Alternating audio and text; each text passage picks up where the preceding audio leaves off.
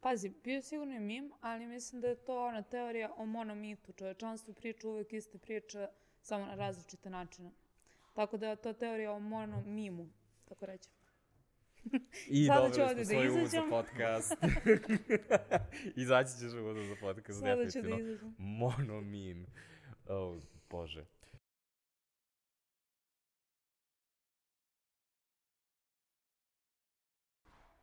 Dobrodošli nazad u Žiška podcast. Danas pričamo o mimovima. Znam, zvučat će jako čudno da treba da toliko analiziramo neki fenomen koji nam je svima veoma poznat na internetu, ali siguran sam da ćete u narednom razgovoru čuti nešto o čemu do sada niste razmišljali i do kraja razgovora uspećemo da, vam, da vas ubedimo da su mimovi dovoljno bitan fenomen da svi treba da znamo a, dosta više o njima nego što trenutno znamo. Kao i uvek, pratite nas na YouTube-u ili na svim drugim slušalačkim platformama za podcaste, kao što su Google Podcast, iTunes, Spotify, Deezer i Milošev Krompir. Uh, Miljo, Da. da li možeš da staviš uh, monokl, budeš uh, veoma uh, promišljena, fancy i pametna i daš nam definiciju mima? Već sam stavila monokl, kako niste primetili.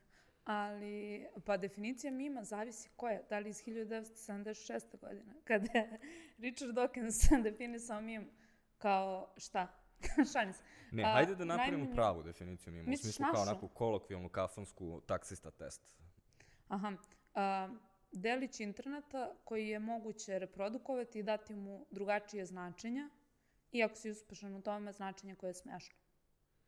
Da li mimovi znači moraju da budu smešni? A, da, mislim, a, ne moraju da budu smešani bi bili mimovi, ali nesmešan mim je naj, najniži oblik postojanja u svetu mimova. Bolje da ne postoji nego da postoji u svojoj neduhovitoj formi. Ali tu je sad stvar koga targetuju ti mimovi. To što je tebi smešno, meni može da bude apsolutno nesmešno i obrnuto. Mislim da je ono, čak se vrlo često to dešava. Pazi, humor je u oku posmatračan, ali mislim da postoji neki konsenzus šta je smešno, a šta nije smešno. Naprimjer, negujmo, nije smešno. A, mislim da, da, ovaj, znači, generalno sa humorom uvek jeste stvar um, ovaj, toga u kom kontekstu se izn- iznosi, odnosno humor je vezan za određenu zajednicu. Ta sad zajednica može da bude ogromna, kao što je negujmo, i može da bude nek, ono, veoma mala, što su stranice koje su drugi ljudi koji ne vole negujmo, recimo, prate.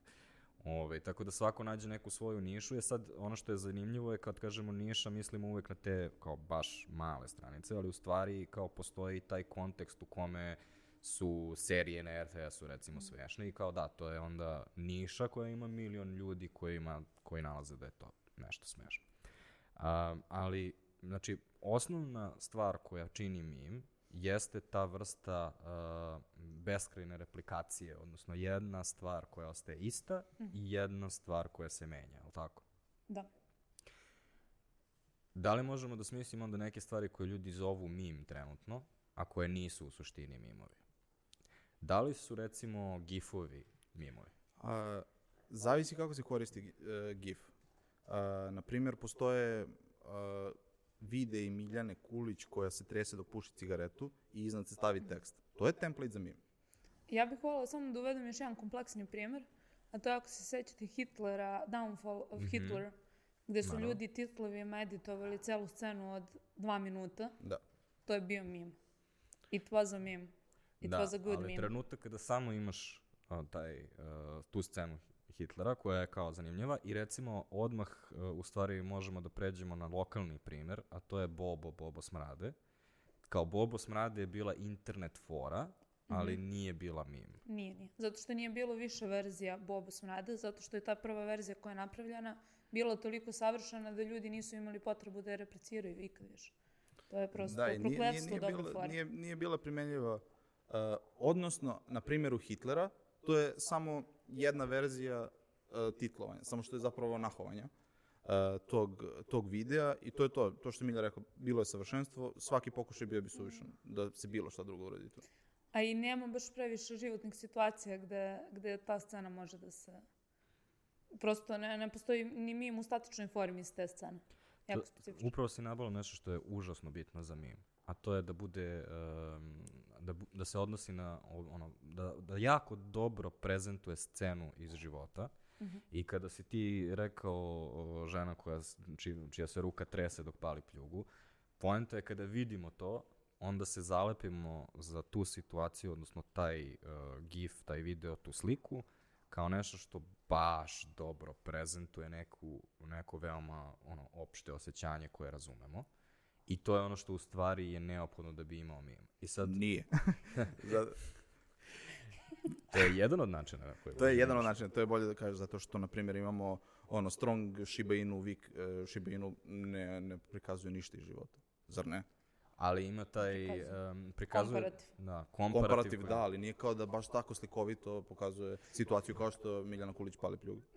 Ali, da, ali jeste nešto što u stvari je, ono, u stvari a, ne samo da prikazuje komparaciju, odnosno kontrast, nego pokazuje te situacije kada je toliko smešno koja je razlika.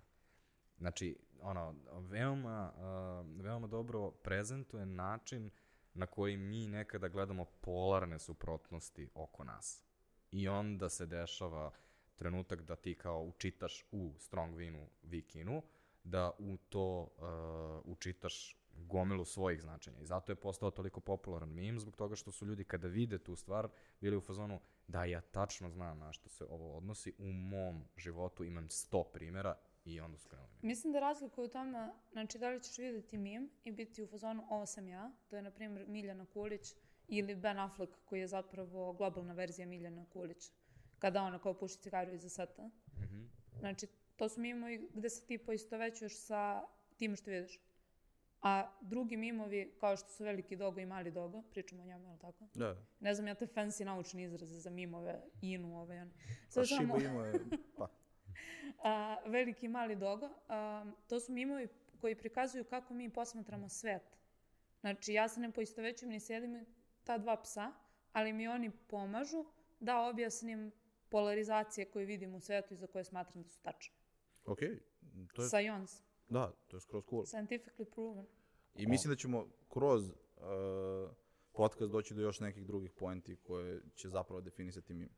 Ajde da počnemo onda sa, sa poentom koja, kako je sve počelo i naziv kako je počeo i jeste ga definisao, znači Richard Dawkins u Selfish Gene-u, um, koji je pokušao da napravi paralelu između gena i e, mima, odnosno gen je bio način na koji se e, biološke osobine šire u populacijama, a mim je bio naziv kako se ideje, odnosno abstraktni koncepti šire u populacijama. I sad, kao što genski ti imaš ono određen, uh, određenu sekvencu koja se onda malo promeni svaki put kada se, na, kada se nasledi uh, generacijski, tako je i on svaki put kada preneseš ideju, ona se ipak malo promeni. Za nje, uh, on je koristio ove religije, odnosno razne denominacije kao primer za to, u smislu ono, imaš jednu dominantnu religiju, onda se ona zapati u nekoj, recimo, zemlji, onda ta zemlja uzme sve svoje običaje i nekako ih um, inkorporira u ovaj ostatak religije. Ove, I onda se to nekako desilo da je prešlo na internet i da imamo japanskog psa koji ima raznobojne ispise preko njega. E, ali ja sam pokušala da istražim kada se to desilo na internetu i zapravo prvi mim se širio putem e-maila. Znači ljudi su ga ono kao replicirali putem e-maila 96. i to je ona Dancing Baby, Baby Čača. Znate ona mala beba Da, koja on kao je igra. Bože. A kako je to mim? E, tako što su ljudi dopisivali iznad tekst u mailu. For real. I, na primjer, ne znam, dolazim uh, u grad za Blejaću preko vikenda i on ti pošalješ, jako sam srećan i pošalješ tu bebu. To je the origin of memes. Na internetu. Je, o, to je baš borderline, u stvari, mislim, kao, uvek su ti, uh, uvek su ti slučajevi kada je prvi, uvek su nekako skoro tu počinje, ali nije baš. Taj mim je ona jegulja koja je prva u evolutivnom lancu Aha. isplivala iz mora i popela se na kopno i sad smo mi... priznaj da sada zamišljaš Fatboy Slim uh, ovaj video. Kao Nisam toliko stara, jegulja, Gorane. kao. Ono što je isto fun fact za to koji god e, da pustiš muziku, ta beba će da igra u ritmu. Da. Probajte.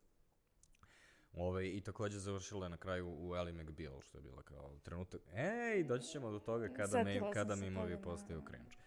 Ali, um, hajde, znači, sad, um, kako su, mislim, jako inteligentan uh, opis nečega da, post, da, da na kraju opiše nešto što je um, veoma profano, to su ono, slike Đusa koji plače uz uh, natpise. Snimak Đusa koji plače. Da.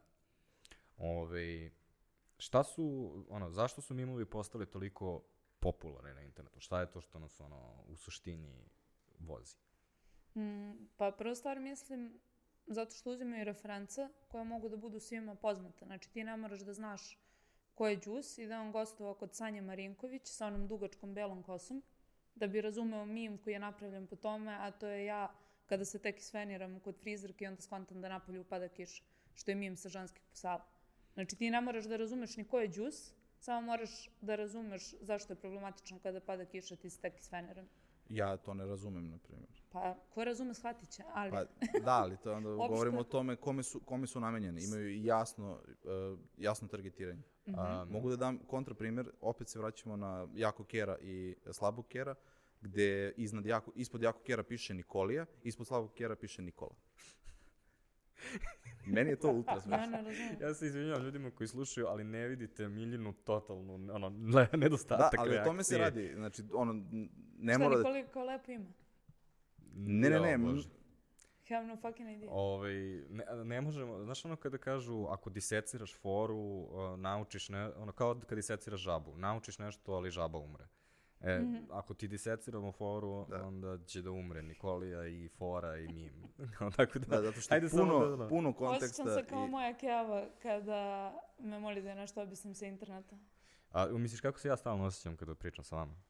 Da. Mm, Elem, ovaj, um, postoji odlično, odličan TED Talk lika koji je CEO Gifija, a, koji je napravio paralelu između toga šta ljudi rade kada pretražuju Gifi i šta ljudi rade kada pretražuju Google. Kao kada si, kada pretražuješ Google, ti pokušavaš da preneseš ono suhe informacije, ono, veoma robotski, kao potrebno mi je da kupim koliko košta. Kada pretražuješ GIF i ti u stvari želiš da preneseš emociju i kao ono, ono što je u stvari najviši izraz ljudskog o, iskustva. I mimovi su u stvari taj trenutak kada ono, ne, reči te iznevere. Ne postoje reči kao mogu da napišem roman, neću uspeti da prenesem tugu koju je Đus displejovao u trenutku kada mi je sinan umro. To je istina. Mislim, ne, ne znam šta očekuješ da ti kažemo sada. Da, to je e, Gifi, bukvalno kada želim da low effort ispadnem cool, Mm. ukucam šta hoću da kažem i ono, malo pročačkam, ali ne dovoljno da odem na treću stranu, nađem nešto što je, ono, slika govori hiljadu, vi- više od hiljadu reči, mi, odnosno GIF je mnogo slika, Bio si tako, na- znači tako si bio blizu da budeš ono, da imaš citat kao slika govori hiljadu riči, a mim milion. Onako mogli bismo ga stavimo kao neki inspirativni Mogu ovo ono, da bude template. uvod u podcastu, ali... Jebu ga sad. da je propušteno. Ali, e, samo sad, znači se vratimo. Imamo referencu koja treba bude opšta. Znači, džuz za vas to nije. Ti si rekao da treba prenos i emociju. Ja bih dodala samo još treću dimenziju. A to je da postoji ono kao mogućnost za repliciranje. Pošto, I to je ono što smo malo prepričali o Bobu Smradu. Znači, ono, mora da bude replikabilno. Da, ali to je interesantno, recimo gifovi kada su se originalno pojavili ti klipovi iz uh, videa su ljudima bili smešni sami po sebi, ali onda su tek ubačeni u template da budu mimovi, kao ovaj, te sve scene iz uh, ono, ne znam, parova ili čega god, ovaj, su originalno bile ono, šerovane ljudima, ono, kao random su ljudi to slali jedni drugima, a onda su se pojavile ono, ono pregrš stranica koje na to dodaju tipa ono ja kad ustanem ujutru ili o, što, što kaže neki ono ja kad krenem da ti se userem u život. Ovaj, međutim, um, sad smo se fokusirali samo na internet mimove, ali internet mimovi nisu jedini mimovi koji se pojavljuju oko nas, odnosno ovaj mehanizam postoji na još mnogo mesta koji ne očekuješ.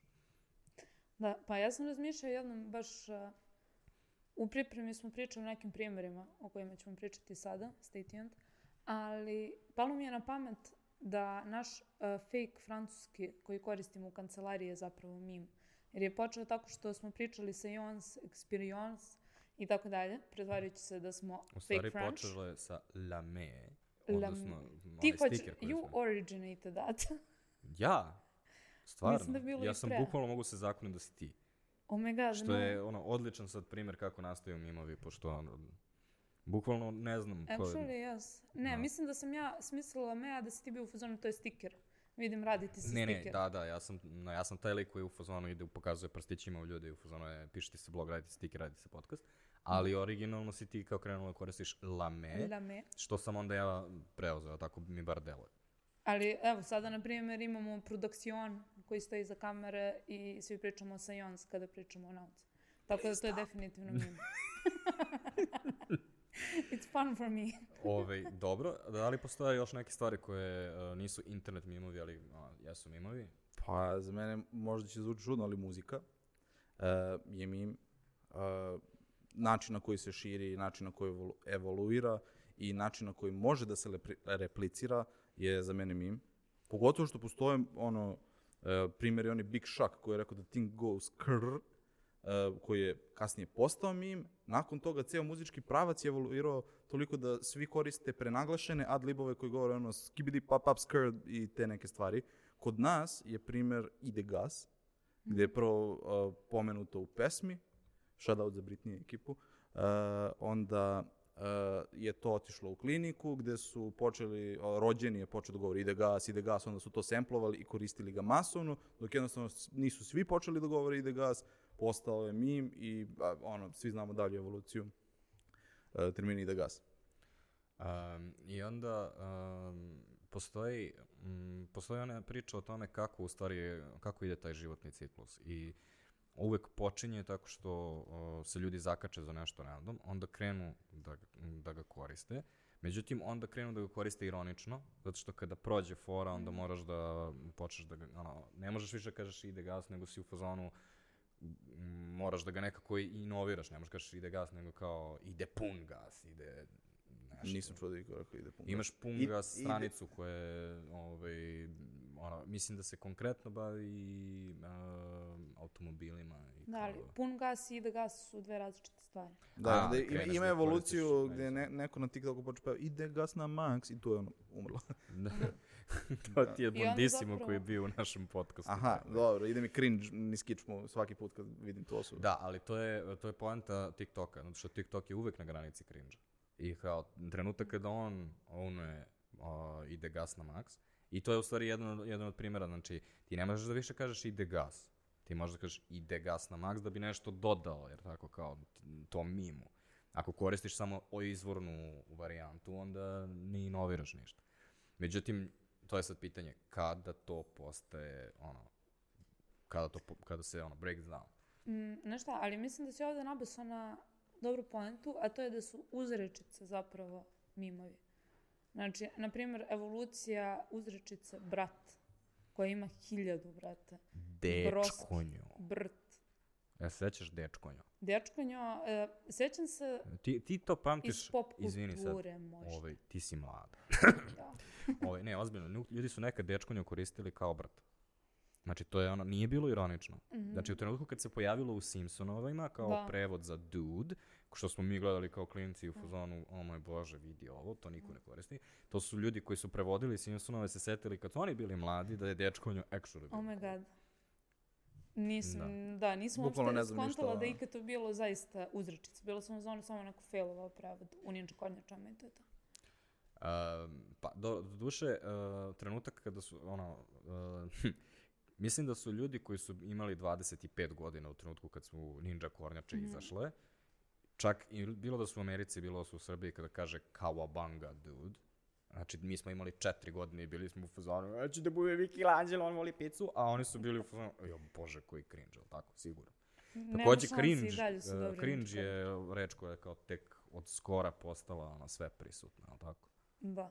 Nije ono, recimo da, smo, da sad imamo vremeplov, A, kao je- što je imamo, ovaj, vratimo se četiri godine unazad i kažemo nekome cringe, fazon ljudi te gledaju belo, a? Mm, da, ali mislim da je ono kao možda i novo osjećanje, zato što ti pre interneta nisi bio nikad namerno izložen osjećanju stida zbog druge osobe. To jest, Transfer uglavnom, blama. Transfer blama, da. Znači, ti imaš na TV-u nešto, zamislite pre 30 godina, dođe nešto što ti se ne sviđa i prebaciš. A sada sediš i gledaš to ono kao 14 puta i deliš s ljudima i fuzonu si. Da, a transfer blama je nešto što se obično dešava uživo. Znači, ja sedim pored tebe i ti lupiš na neku glupost, mi, ja sam u. Ali nije, nije cringe, nije isti osjećaj. Apsolutno. U čemu je razlika, molim te? Pa sad, ono, sad je rekao, otprilike, um, obično se dešava uživo, a onda postoji, znači, ono, postaje socijalna interakcija kao cringe. Uh, Da, nastaje je, neprijatna tišina i neke stvari, ono, n- Mhm. nas, na- nastavljaju se posle transfera blama. Cringe je, ono, cringe u tom Cringe je više individualna Da. stvar nego socijalna. U smislu, ono, cringe osjećaš samostalno. Znači, između tebe i tvog računara. Da, ali o, pošto danas uglavnom gledamo druge ljude. m, e, Se sjećate onih, po- onog trenutka kada su svi predviđali da će na internetu, da ćemo se uploadujemo na internet, pa bila ona društvena mreža koja se zvala Second Life, pa tamo su bili neki avatari i svi smo trebali da izgledamo kao Simsi i da živimo neke virtualne živote. Da, vama to To nije... je pre poz- MySpace. E, Second Life postoji i dalje, koliko znam. Ja sam par puta pokušavao, nikad nisam mogao da skinem tu stvar. Ne znam kako funkcioniš. Ali ono što je tu, šta u stvari želim da kažem time, je a, nekada smo mislili da će internet biti virtualan, a u stvari mi smo iskoristili sve te virtualne stvari samo da više gledamo druge ljude kroz ekran. I sad ti imaš drugu osobu tamo koja nešto radi i ti cringeuješ zbog toga.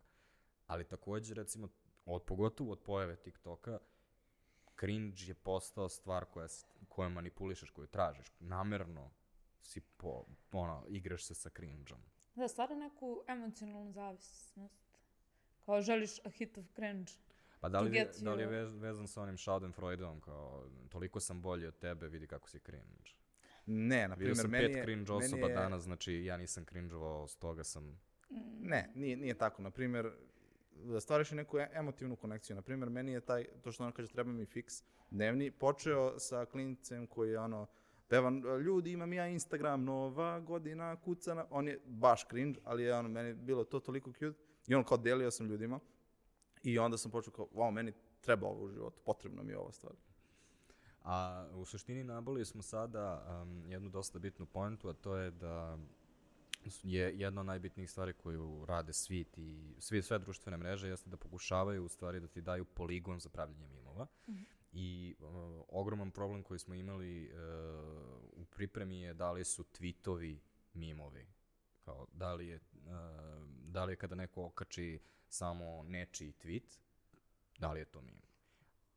Ako Ne. je retweet koji daje novo značenje na tekst ispod, može da bude.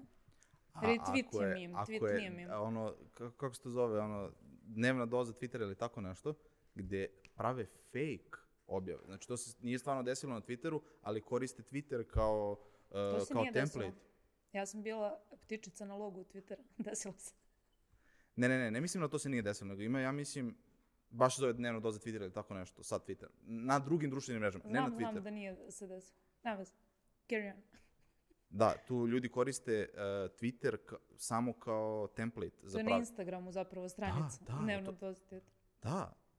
I u tom slučaju možda jeste mi. Odnosno da je ceo Twitter meme template koji ljudi pogrešno koriste ako ne Ali meni to nije, zato što oni samo prenoš, prenose fake fore sa Twittera na Instagram. Znači, tu je screenshot bukvalno tweeta i to je kraj. Ali, kada neko uzme taj tweet, retweetuje ga i dopiše novo značenje, onda postaje meme, zato što ga replicira. Da, ali suštinski e, deo koji oni jesu iskoristili je um, ovaj fake tweetovi. Kao fake tweetovi mogu biti uh, ono meme.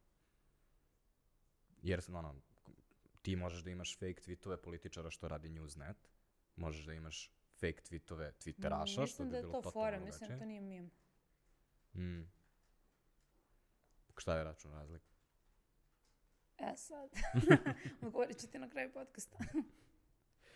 Um, da li, recimo TikTok je odličan generator mimova, zato što postoji više stvari na koje možeš da se zakačiš. Prvo, uh, postoje zvukovi koji su sami po sebi mimovi, znači kao pojenta je da napraviš zvuk koji će drugi ljudi da koriste, da oni naprave svoje videe, što je znači jedan mim uh, mehanizam. A drugi mim mehanizam je ono što postoji na svim društvenim mrežama koje imaju taj algoritam, a to je a, neko krene da radi ples, kao što si ti rekao, onaj sa ovaj ide gore dole, i onda svi ostali rade taj isti ples, ali kao zbog toga što su, ono nešto inoviraju. I ono što se dešava uh, opet u tim TikTok trendovima je odličan opet pokazatelj toga kako, je, kako ide taj životni ciklus.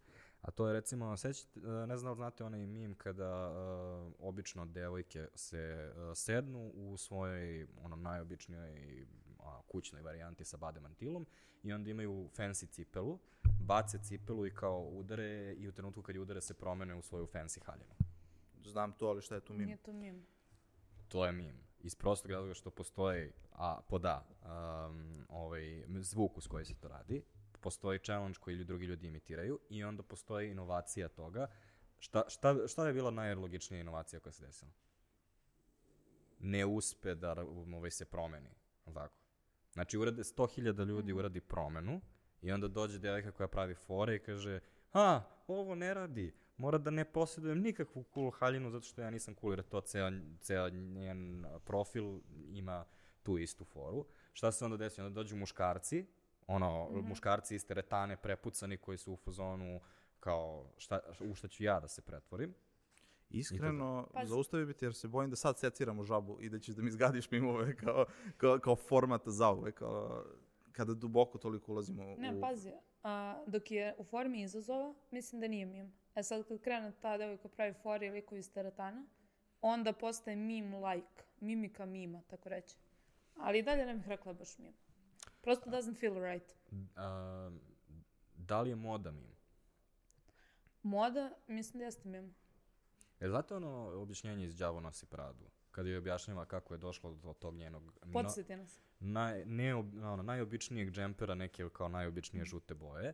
I onda je Meryl Streep objašnjava kako je to pre pet godina počelo na nekoj reviji gde je on iskoristio baš tu verziju žute, pa je onda to uh, su iskoristili drugi dizajneri koji nisu high fashion dizajneri, pa je onda neko ko radi u Zari na promociji proizvoda koji je bio na toj originalnoj reviji, ono baš uzeo to i onda napravio previše džempera koji su za, ono, završili u dolar storu i onda ona koja se smatra osobom koja uvek želi da uzme dobar deal je uzela nešto što misli vidi kako je progresivno, ali takođe ga je platila kao nisko i to govori sve o njoj što treba da zna. I kao ja sam bio fazonu, wow. Ali u Mhm. suštini kao moda i kao stvari koje imamo kao ovaj, recimo, kako smo došli do tih uh, cipela koje nosiš? A- Odnosno, izvini, pitaću te malo konkretnije. Uh, prošle godine ni jedna žena u našoj kancelariji nije imala tako džombaste crne uh, cipele. Sad ih imate bukvalno sve. Pod jedno to nije tačno. Kao ljudi vi ne vidite, ali niko nema ovako čizma. Trenutno jedina Ali- žena koja je, koja je u kancelariji, pošto radi, ono, većina radi Je u kuće, je, patikicama. je u patikicama. Tako da izvini Gorana, ali da slažem se, moda jeste mim, ali sa, ne samo na nivou na, na kome ti pričaš, a taj nivo o kome ti pričaš je zapravo sistematski kako dolazi iz ono kao high-end fashion Mhm. brandova do običnih ljudi. I sada to bi moglo zapravo da se primeni ne samo na modu, nego na bilo koju inovaciju. Jer na taj način dolazi ono kao prvi računari koji su korišćeni u vojnim sistemima, ne znam, 50. godina u Americi, pa sada svi imamo računare zato što koštaju ono kao malo i možemo svi da ih priuštimo. Dakle, to je stvar ono kao repliciranja inovacije i kako ona postaje dostupna svim ljudima u kapitalizmu. A Da, ali što se tiče same mode... Onaj, Mhm. uh, postoji samo onaj jako krucijalan deo, to je koliko je teško replicirati. Kao jako je teško napraviti novi računar, a mnogo je lakše napraviti novu, ono, novu inoviranu, malo drugačiju verziju cipele. Tačno, 2020. nisam sigurna ni za računar da je toliko teško, ali teže je ako postoji neka skala. Međutim, ja vidim da je moda mim i na još jednom nivou koji nema veze sa tim procesom um, od branda do branda do kupca, već svaki put kada ti kupiš neki novi komad, na primjer taj prelepi narančasti duks, koji ne posjeduje niko drugi u kancu, I'm not Goran, a, ti ga repliciraš u, uh, sa svojim ostalim komadima odeće. Znači, ti biraš da ga nosiš sa tim farmericama i sa tim lepim patikama, a ne da ih, da ih nosiš sa onim uh, širokim NATO, ne znam, uh, farmerkama i, ne znam, maskirnim način. Razumeš, tako da je moda, mim, ono kao, zato što svi repliciramo u skladu sa svojim stilom. Da, takođe postoji onaj uh, drugi deo koji Meryl Streep nije objasnila, to je često ti isti dizajneri odu u neki, neku subkulturu mm. i onda iz te subkulture izvuku nešto cool. I među ostalog upravo gledamo u Nikola koji nas snima ima skate mm. patike Vans, um, gde ono, postoji i ona odlična priča kako mm. su skate patike postale ono, cool i šta se desi u trenutku kada skateri vide kako Vans postaje globalni brand i onda prestaju da pave patike koje su samo za skejtere i one su u fazonu Vans više nije za skejtere. A, to je odličan primjer i samo ih dodala još jedan. A čak i ti high-end fashion dizajneri, za koje smatramo da su ono kao kombinacija umetnosti i inspiracije, pa će napraviti tu žutu boju na tom duksu ili džamperu, a, zapravo se konsultuju sa trendovima Ist, um, ono kao Panten, uh, kako se zove boje koje izbacu svake godine? Sa pa... Panton. Panton. E, dobro, ne znam da izgovorim. Uh, I'm not educated like that. Ali uh, te boje koje će biti u trendu sledeće godine, oni dolaze do njih tako što istražuju tržište potrošača, koje govore ono kao koje boje im se sviđaju u tom trenutku i tako oni definišu da je 2020. bila ono boja, uh, za 2020. bila plava boja kao in. I onda Isto kao, kao i 2019. Fashion, dva puta se desilo. Da, i onda fashion dizajneri zapravo iz tog istraživanja tržišta koje ima ono za cilj profitabilnost, dolaze do trenda koji se posle trickle downa i vraća se svima nama da nosimo plave stvari. Postoji ogroman problem sa tom logikom. Mm -hmm. A, to je da mimovi imaju veoma ograničeno trajanje. Koliko traje jedan mim na internetu? Zavisi koliko brzo eksplodira. Odnosno, što brže eksplodira, brže i umre. Uh, primer je Bernie Sanders. Kad smo radili pre koliko, tri dana mm -hmm. uh, pripremu, uh, opkladili smo se da li će danas biti relevantan uh, Bernie Sanders i ja mislim da nije. Opet je stvar lične procene, mm. zbog toga što ja sam bukvalno jutros video jedan mim. Uh, agen, neka agencija je ovaj, stavila oglas za zapošljavanje, pa oni su i sedi Bernie tu. E, ali sad takođe je veoma bitno, pošto živimo u vreme algoritama, ja nisam provalio kada su oni to postavili. Znači, sasvim moguće da je, da je to postat pre nedelju dana, mm -hmm. samo što ga ja vidim tek danas, jer kao danas mi je izašao na feedu. Pazi, Pritom bilo je na LinkedInu, tako da ono, algoritam je pijan. Uh, slažem se da je već behind us, ali sam videla dve stvari koje su se desile juče. Jedna je stranica Bernie u Beogradu, koja ne znam zašto postoji ali očigledno je neko mislio da je i dalje dovoljno živ da ono kao ima potencijal ako se replicira na domaćim lokacijama. Nema. Hint. I druga stvar, videla sam filt, Instagram filter uh, Bernie sa onim kao malim rukavicama. Znači, neko već stigao da napravi Instagram filter. Kao ljudi, it's dead, leave it. Ano.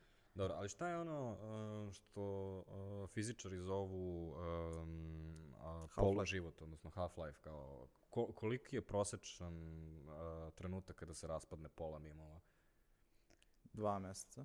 Mm. Mesec i po dva. Mada, ja sam istraživala koliko dugo žive mimovi i otišla sam na Reddit mm -hmm. i neko je stavio kao mim koji dalje živi, a najstariji je one cannot simply hyperlink. Ja kliknem kao da pročitam više o tome i Rickroll. I iskreno, to je mim koji baš dugo živi and keeps on giving. 2008. YouTube uh, za 1. april uradio kampanju gde su recrollovali sve svoje featured videa. Znači, tada je eksplodiralo do nivoa gde globalni brand koristi to za svoju kampanju. Sad 2020. i dalje smešno. Um, tehnički, um, da li bi onda mim bilo i reci 8? Ne, čekaj, je li to mim ili troll bio? Ti sad kao odeš da vidiš koja je najstariji mim i on te neko istroluje. To je ono Ali... ultimative troll. Um, to su, ono, um, trolovi jako često koriste ovaj, mimove. Da. Ovaj, zbog toga što um, jedna ono, jako bitna stvar vezana za mimove, s obzirom da su ono, vrsta komunikacije i s obzirom da su često vrsta humora, kad god imaš humor i komunikaciju, imaš i e, poistovećivanje, odnosno e, način na koji ja e, percipiram taj humor, signalizira da uh, neko ko percipira na isti način je kao ja. Znači imam pripadnost toj grupaciji. A, da ne bi ostalo samo na teorijskom nivou, a, u pripremi, trenutak kada ja kažem, a ja sam to video na 9gagu, šta vas dvoje kažete? Ok, boomer. Znači, ja sam za vas boomer. E sad zamislite takođe kao neku totalnu Što je mim koji je jako brzo umro zapravo. Ok, boomer. Mm, Boga mi nije. Cela prošla godina. Da. Cijela prošla, Da. nisam siguran. Takođe, o, ovaj, i, dalje se, i dalje se koristi u određenim kontekstima. Da, da. Jer kao ti bi, a, to je recimo no, ovaj, opet vezano za taj životni ciklus svakog mima. Um, kada po, se pojavi, onda ga koristiš onako tako su ga držiš ispred sebe i kao "Vi- vidi, boomer, ha, boomer. A onda Da, da, ljudi danas, su aktivno tražili situacije gde mogu Tako da primene taj mim. i to Danas, je početak, e, to je početak ciklusa, a danas? da, danas se koristi samo, kao što si rekao, u određenim situacijama kao što je ovo. Odnosno, moram da, da, moram da, da uradim to bez ikakvog, ikakve pretenzije. Da, da, da. Znači, ako, ako, ako samo kažem boomerski, kao bez toga boomerski, znači ne naglašavam, ali samo kažem, to je totalno boomerska stvar koju on uradio, onda je to okej, zato što ono, ja pričam na način na koji se razumemo, ali ne pridajem tome nikakav značaj. Da, sada je prešlo u opis, nije više fora. Sada je samo pridav. I tako i treba da bude. Ali mislim da je taj mim otvorio vrata intergeneracijskim mimovima. Odnosno u trenutku kada je napravljen, koristili su ga ljudi da opišu razlike između millennial, millennialsa i boomera. Sada koriste da isprozivaju millennialse koji se ponašaju kao boomeri. Naprimjer, tebe koji koristiš 9gag. Međutim, sada imamo novi mim koji opisuje intergeneracijske razlike, a to je ono My Parents sa, 20, uh, uh, sa 20 godina, kao hajde kupimo kuću. I ja danas ono kao i mačka, ono kao ps, ps. Razumeš? Imaš gomilu tih mimova koji, recimo, dosta često se koristi Steve Buscemi e, iz ne znam koje serije. Hi koje- fellow kids. How you doing, fellow kids, kada nosi skate na leđima, ovaj, nosi kapu na opačke, što, Mhm. Ali to Ovaj, mi je... E, kad neko sad- mator proba da uradi nešto, Da. što je, to je obrnuto zapravo. A imaš i one vukove, uh, kao ovaj, dva vuka koje se izgledaju kao da su crkli od smeha, ne znam kako su uvatili vukove, crkavaju od smeha, a jedan od njih izgleda jako iznervirano. I onda obično je to fora, ono, staviš neku foru, ispod su, ono, uh, ono, boomeri i kerani, a u sredini su millennialsi koji su onaj iznervirani vuk ili obrnuto opet. Da, da. Uh, međutim, hajde da se vratimo sada na, na, na opšti slučaj. Znači, rekli smo onako od prilike dva meseca, Mhm. od prilike, ali postoji uh, ogromna razlika u distribuciji. Odnosno, za neke ljude je to mesec dana, za neke ljude je to šest meseci. Jel tako? Bez obzira Da. što smo se složili, ono sad, ajde, abstraktni slučaj, kao otprilike traje dva meseca, međutim, neki ljudi ga već izgustiraju u trenutku kada neki drugi ljudi tek kreću da ga konzumiraju. Pa da, to je neki levak zapravo obrnuti. Znači, osoba koja se prvo ukači u trend će biti svesna da recimo postoji taj mim mnogo duže nego što se čini nekome ko je video e, prvi put Humelu nakon dva meseca na Facebooku. Da li imate one ljude, uh, mi smo imali u staroj kancelariji, uh, Damire, pozdrav za tebe, ovaj, osobu koja je uvek imala taj fazon da uh, ukači humelu ili nešto što se dešava i onda pošalje, između ostalog, često cirkularnim mailom, znači, ono, cirkularnim mailom, ha, ha, ha, ljudi, jeste videli ovo, a mi smo u "Evo, to je već prošlo, Damire. Da, pa to je moj brat koji mi je pre neki dan rekao, jesi vidio onu kuću u jakni kako je smešno? Onako, porez. Kao kako mi delimo genetski materijal. Ali to je, znači, implicitno je u stvari znak raspoznavanja. Uh. I uh, koliko god se, znači mi uh, sad, uh, vi me ovde smatrate boomerom i vi me ovde smatrate matornim likom, zamislite trenutak kada mi recimo samo odemo ono, jedan korak dalje, odnosno odemo recimo nas troje sada na marketing konferenciju klasičnu. I Svet onda, mladosti. onda bukvalno mi smo ono, sijamski smo blizanci, kao ne, ne, mi smo istine, razumete, kao ne postoji nikakva razlika između nas, a ovde smo ono, u- kao ratujemo ti i ja. Ko Izrael i Palestina, ne znam zašto mi je palo na pamet sad. Da, znači ta, to što si pevao sada je taj generacijski jaz. Mm, To je mim, bra. to je mi. da. A, ovo, ovaj efekt je toliko, uh, toliko prisutan da možeš da provališ koliko neko ima godina samo na osnovu toga što ga pitaš da li uh, zna šta je neki mim. Mhm. Miljo, da li znaš šta je Rage Comics? A, znaš šta? Ne, ne znam. Znam šta je, znam da ga sad koriste u mimovima, ali sam mislila potpuno random, a onda si mi ti objasnio da je to zapravo nešto što je postojalo u praistoriji interneta. Mhm. Znači, Rage Comics je ceo univerzum uh, crta, crtača, ovaj, uh, jako, ono, jako krompirasto nacrtanih. Između ostalog, me, moj omiljeni uh, Rage Comic, zove se Rage Comic zato što je počeo od uh, crtanja sve, ono, likova koji se sve više i više ljute. Međutim, onda je postao ceo univerzum koji ima za sve. A, me, moj omiljeni je onako krompirasta glava i nacrtano razroki lik koji je u fazonu totalno nesvestan šta se dešava. Um, I um, onda je postao čitav, uh, ono, ja ne znam da li je to neko kontrolisao, više kao ljudi sa interneta su se dogovarali da lik koji pljuje um, ovaj, uh, kukuruzne pahuljice u monitor je deo ovaj, toga, a postojali su ono, gomila tih uh, crteža koji nisu zaživeli jednostavno. I kao, Rage Comics je postao takođe i um, ono, obeležje za generaciju koja ima sada ono, tri banke plus, a generacija koja ima tri banke minus ne konta da je to ono, Rage Comics, to je kao, da, da, vidio sam tu neku sliku na internetu, ono. Da, znači dve stvari. Jedna, mimovi su zapravo, sad kad si rekao ono kao postoji konsenzus da je nešto deo Rage Comics ili da će postati da. Znači mimovi su zapravo modern day uh, simboli. Društvo se dogovara da koristi određene mimove kao što su ono preistorijski ljudi koristili ne znam šta brate na, u Razumeš neki sad si ono napravila sistem do, Dawkinsov argument, da. No, ovaj, raspoznavanja. Znači, Shout out sa Dawkinsa. Da, znači Ali- sada su uh, ovaj, u današnje vreme način ono, simboličke komunikacije preko interneta jesu mimovi, odnosno način na koji možeš da imaš uh, unutrašnje šale sa totalno nepoznatim ljudima. Kao ljudi koje ne znaš na internetu, ali smejete se istim forama i znaš da ste, ono, we're that guy. I onda kad se sretnete uživo, kada počneš da provaljuješ da neko zna sve iste mimove kao ti, to je ono instant prepoznavanje, instant like. Da, samo dodala bih, uh, slažem se sa tobom, ali samo za Rage Comicsa, a druga poenta. Oni su zapravo sad doživjeli renesansu. U smislu, uh, generacija Z ih sada koristi bez znanja šta su Rage Comicsi, originalno. Ali ih koriste da prenesu neke stvari. Naprimjer, meme koji proziva hipstera, imaš gomilu tih Rage Comicsa sa onom bini uh, kapicom, Mhm. i sa strane stoji lik koji predstavlja čada sa bini kapom. I ovde piše kao, uh, ova kapa mi daje ličnost, a ovaj lik govori kao VTF. Znači oni koriste ono kao bini hat koji je ono kao potpuno nova stvar u modi, da isprozivaju hipstera, ne znajući šta je Rage Comics originally.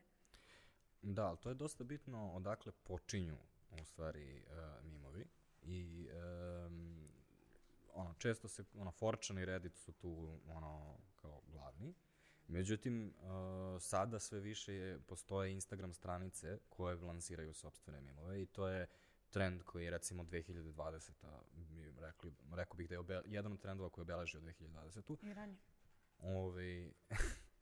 Ja sam boomer. Za mene je 2020. Za tebe je 2019. Ove, um, nego, Ove, poenta je da, znači, Instagram uh, stranice sada postoje koje, ono, pokušaju da fabrikuju svoje mimove. A to je počelo na Facebooku, pa je onda Da. kad je umro Facebook, to prešlo na Instagram. A na Facebooku je ostao on, uglavnom shit posting u smislu statusa. Da. Ove, u suštini, uh, ono što želimo da kažemo je uh, Dživđan nekada, s Facebook stranica prvenstveno, današnji Dživđan bi sigurno bio na Instagramu, jel? Jel Dživčan i dalje postoje? Ne bih znao. Mislim da... Poprilično, ono, verovatno da da. I to je ona taj long tail te krive, odnosno sve o čemu pričamo sada se um, objašnjava krivom normalne raspodele. Sigurno ste videli, to je onaj ono, praktično jedna mala piramidica, onako, gde kao sa strane je zaobljena i onda ovaj, ide u vrh. Ove, I onda poenta je što ljudi, um, pogotovo kao ti Miljo, ove, koji su na, na prednjem stranu te, prednjoj strani te krive, odnosno ljudi koji su early adopters, oni koji prvi uzimaju neke ideje, pretpostavljaju da nema nikoga sa druge strane krive. A u stvari taj dru, ta druga strana krive je ogromna. Ljudi ono mesecima pošto ono originalna zajednica napusti neki mim i dalje konzumiraju taj mim i dalje se dešava. Na primer, kao ljudi i dalje postuju na Vukajli kao ono to U živi. to ne mogu da poverujem. Dalje postoje neki ljudi koji to rade, da. Postoji u stvari. Mm, ne postoju, mislim, postavljaju ove, kako se zove, postere. Znaš šta, ali e, konkretno za a, mimove, onda možda ne bi bila normalna raspodela koja ima jednak broj ljudi na početku i na kraju, već obrnuta studentova raspodela koja ide... Ta, mislim, studentova raspodela ide tako što, razumeš? Znači, najveći deo se grupiše u prvom delu. Pa ako je bilo obrnuto, onda imaš mali broj early adaptera i onda kako se širi, pro- prelazi u masovno korišćenje i ostaje tu neko vreme. To bi možda bilo za, za mimove pogodnije. Studirala sam ekonomiju znam statistiku. Šalim se, verovatno sam zaboravila sam. Ali šta bi bile uh, mim subkulture koje su se uh, izdefinisale trenutno? Znači, rekli smo da su boomeri jedna uh, subkultura i kad vidiš boomerski mim, to je obično o, o, onako ogroman uh, font, zato što, bukvalno zato što teško čitaju, ja, ja ne- nije izmišljam trenutno. User experience. A, takođe, font je uvek neki, taj, neki sa serifni font, ono Times New Roman, nešto tako. I onda je obično neka ilustracija koju znaš sa interneta pre 10 godina fazon. I onda to, ono, na- ili su, ono, blitzvic varijante, tipa, um, ovaj, neka, ono, domaća situacija, ono, i onda sam ja rekao svojoj ženi i tako dalje. Ovaj, I ono, dele se preko Vibera i tako dalje. I naravno bilo ko ko ima manje od uh, 40 godina cringe-uje na te stvari. A, ali, takođe, ne znam da li ste primetili, ali ovo je sad stvarno, ono, boomeri su jako veliki konzumenti mimova. Kao ako, ako ste imate nekoga na, na, ono, ljudi koji vam šalju ono 50 Viber poruka dnevno, zbog toga što kao uh, nisu navikli osjećaj da za koriste lične gra granice. ne, nego ti razmišljaš drugačije. Ti si navikla da imaš Instagram gde ono, ti postaviš pa ako se nekome sviđa, no sviđa se, a oni su u fazonu, ne, ne, lična komunikacija, kao i dalje nisu prezupčili kao zaista čemu služe društvene mreže. pa da, ali pazi... A, Oni to dobiju u grupi koji imaju sa kolegama sa posla, sa joge ili što god. I onda on šeruju svoje deci i ljudima kojima misle da će to biti smešno. Zapravo ne znam kako mogu da veruju da će to stvarno biti smešno. Pa, mm, smešno, mislim. It's Smešno funny for them. Nekima. Ovaj, a, vas dvoje ste mi uh, odm, u prepremi, pripremi odmah rekli uh, da, narkomanski mimovi. Kao, Da, odnosno, drogoška kultura, jel? Da. Da. I umetnost. Oni su definitivno subkultura, isto, isto a, ima dosta a, desničarskih, mislim, ja pratim Da. desnicu, pa ima dosta desničarskih mimova i ono vrlo nacionalnih a, mim stranica, koje prave ono, mimove. Mislim, Ima- mogu sad da govorim neki koji su meni jako smešni, vama verovatno ne bi bilo. Da, Mislim- ima sa druge strane dosta levičarskih a, i ono kao... a, postoji feministička Da li mim se- subkultura. Da li se levica i desnica ujedinjuju oko onog mima, ono, autoritativni, e, liberalni, e, e, ovaj, šta je na, šta je na X osi? Mm, economical, e, economical i ono kao political. da. Pa isto ti je autoritativna i... Ne, ne, imaš kao Y osa je autoritativni, liberalni, a X osa je Ne, autorian left, autorian right e, Da. i libertarian. chaotic evil, chaotic good, ako uzmeš e, ovaj FRP a, nominaciju. Ali kao, da li o- ono, je to mim koji koristi i levica i desnica? Ne nužno. Pa koriste template. Da. Ali ne nužno, ne... Pa možda i koriste. Ne znam. Ja baš imam osjećaj da kao je... Zato mim- što je tačan u principu, istinit je. Ne samo to, da nego zbog sve. toga što ljudi koji su veoma aktivni, uh, koji su politički aktivisti, su suštinski isti sloj ljudi i oni se međusobno totalno kontaju i zbog toga mogu da koriste isti mim, iako ga koriste da kažu totalno različite stvari. Pa da, na primjer, oni meme stonks. Mhm. A, mislim da i on isto pripada toj grupi koju mogu da koriste ljudi bez obzira da li su anti ili pro kapitalizam. A, da, ali sa time da uh, ovaj, Stonks je recimo jako čudno zaživeo, rekao bih. To je dunk meme. Dank mim. Da, Ili Dunk. Deng. have no idea. Deng, deng. Dobro. Šta je Ok. Dank mim? Objasnite čoveci.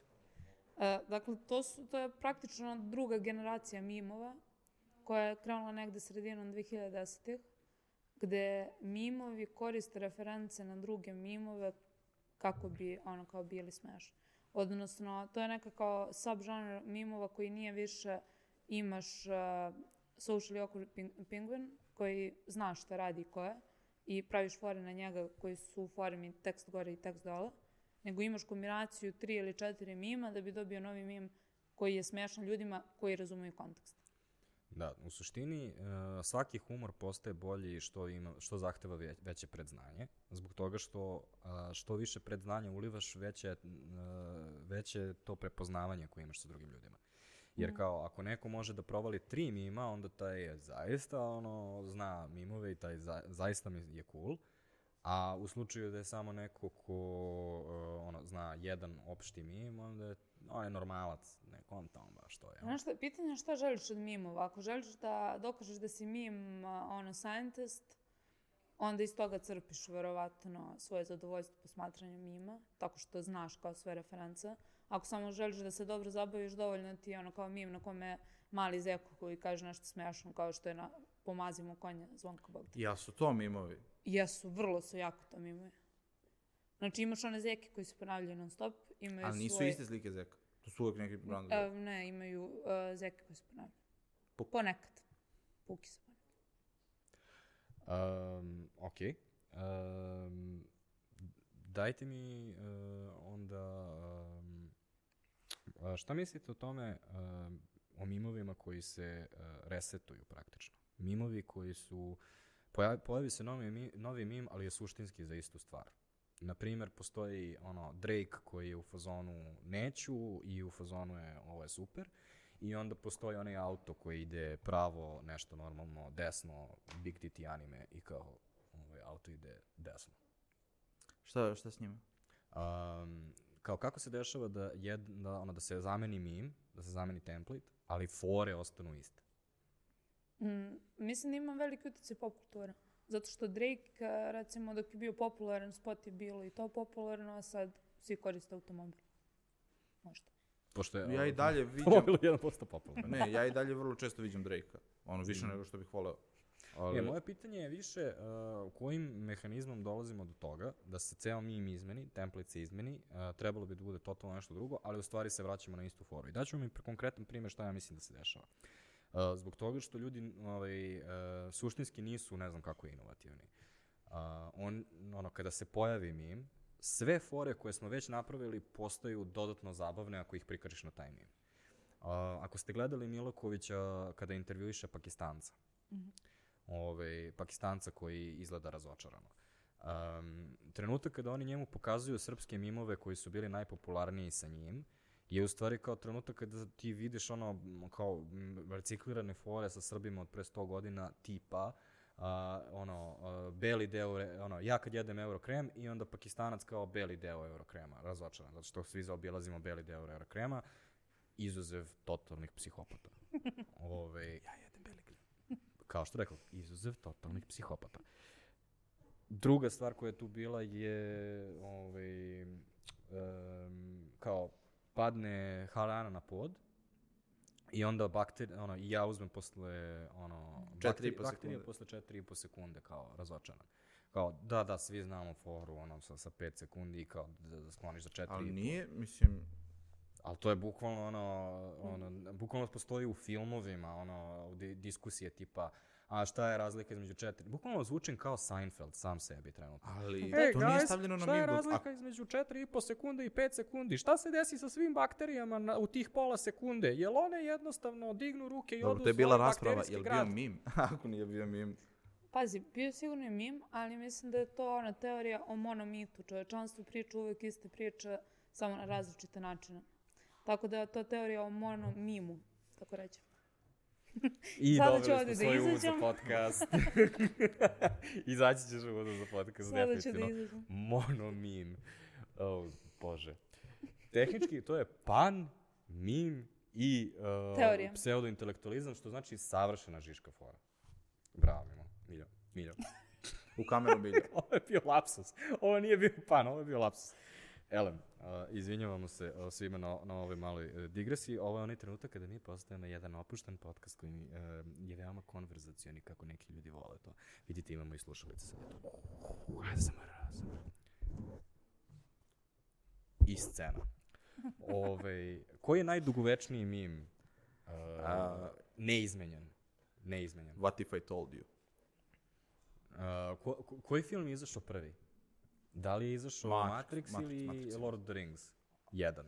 Um, Iz kog je Mm, One Does Not Matrix, ja Simply. mislim. Matrix je 98. 98, da.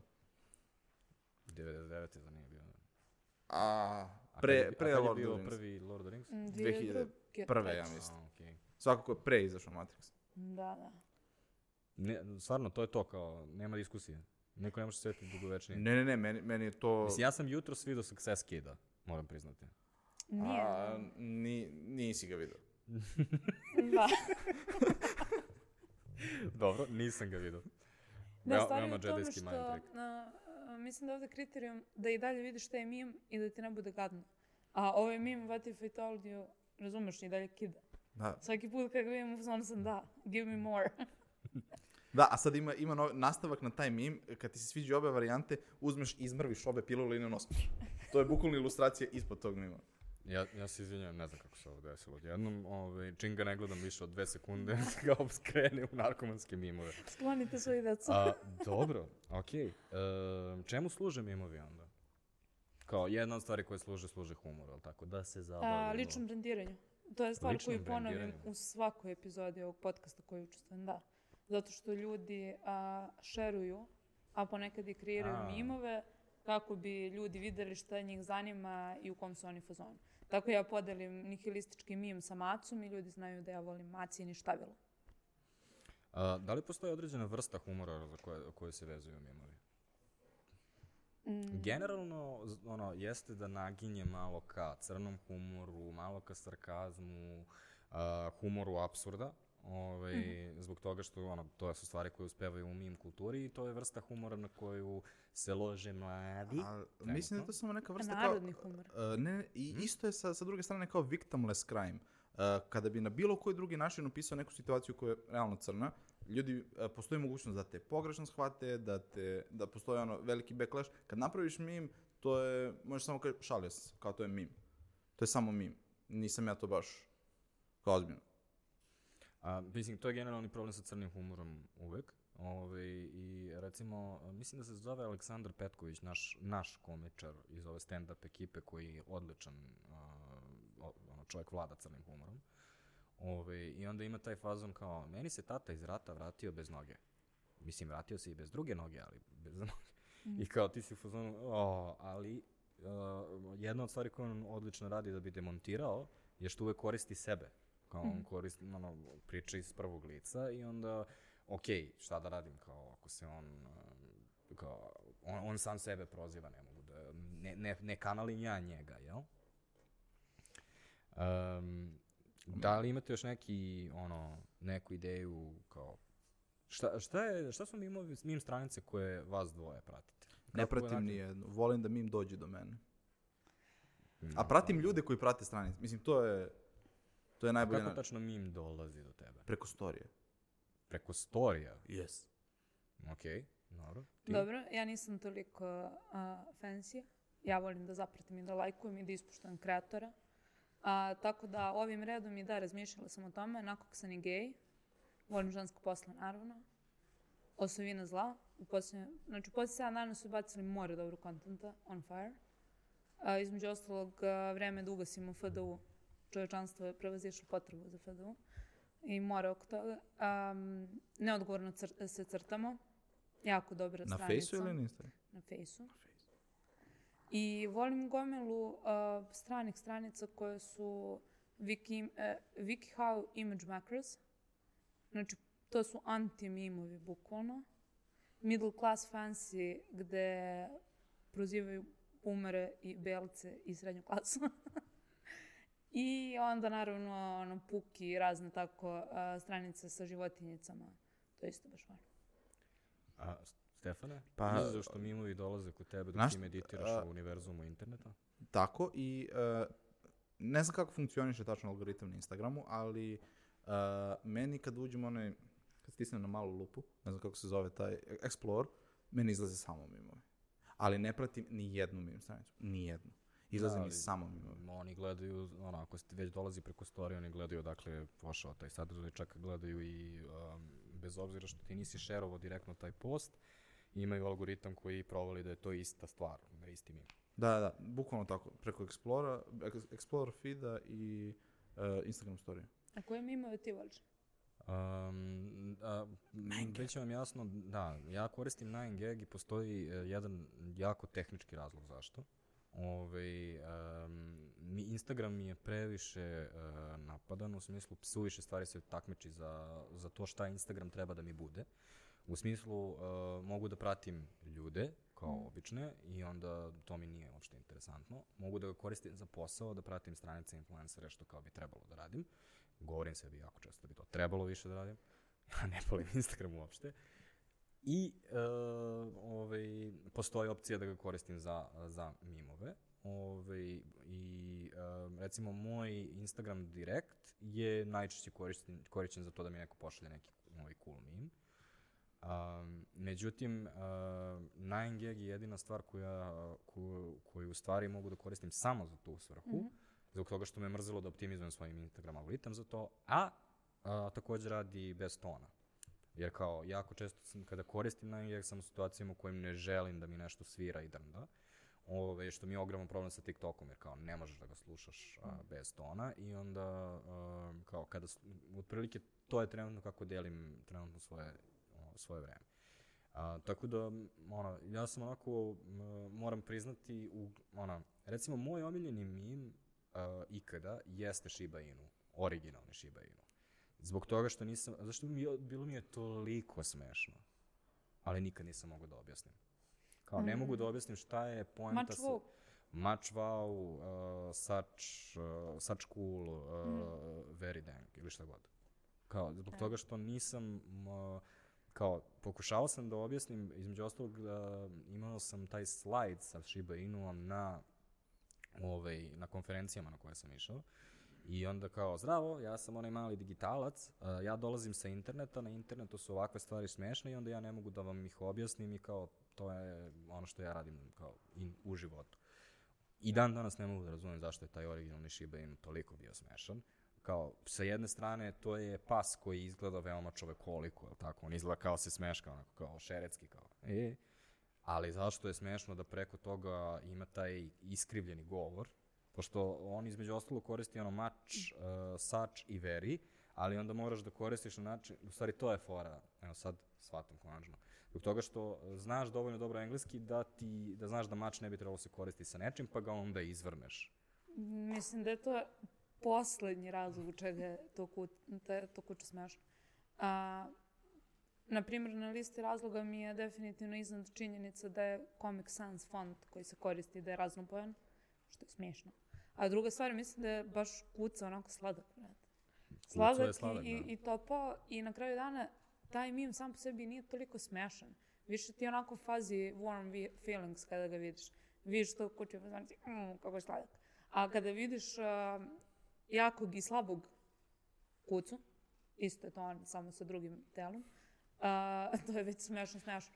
Ne znam kada je to bilo popularno, recimo 2014. I sad recimo da vam neko 2014. kaže, znate, za sedam godina će i dalje da postoji ovog psa, ali će taj pas da bude ve veliki jak versus uh, ovaj, neka druga slika njega u kojoj izgleda onako totalno posrano. Kao, da li biste vi bili u fazonu, da, da, da, ovaj pas ima potencijal, ovaj mim ima potencijal, ovaj malo će Nema šanse. njega- Ja mislim da da, zato što su postojale aplikacije vremenske prognoze gde ti on govori kakvo je vreme. Znači, to je već tada bilo huge, brate. Postoje merch sa njima, sve je postojalo, razumeš?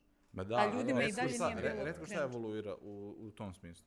Kao što je evoluirao taj pas. Jeste, Da li taj pas postoji- je stvarno... Da li postoji Ako- bilo šta drugo što je bar približno evoluirao? Znaš šta je zanimljivo pitanje? Leonardo DiCaprio. On je kao, A, je evoluirao u ženskog Leonardo DiCaprio. To je jedna evolucija i šta je sledeća. A pritom. Leonardo DiCaprio sam po sebi je mim. Pošto Jeste. postoji cela ekipa ljudi koja je kao Leon- Leonardo DiCaprio naš omiljeni glumac sa interneta. Dok nije došao Henry Cavill i ovaj, napravio svoj PC, which for some reason je bilo kao A šta je on napravio? Ne. Napravio je svoj sobstveni PC i onda su ljudi u fazonu, on je naš bog. Nebitno. Uglavnom, na, fore se na njega, Aha, kažem. okej.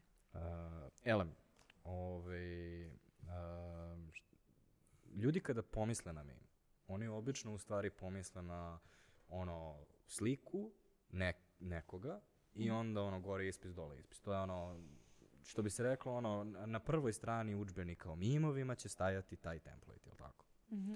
Međutim, uh, šta se dešava sa tim ljudima, odakle dolaze ti ljudi koji su, ono, na slici?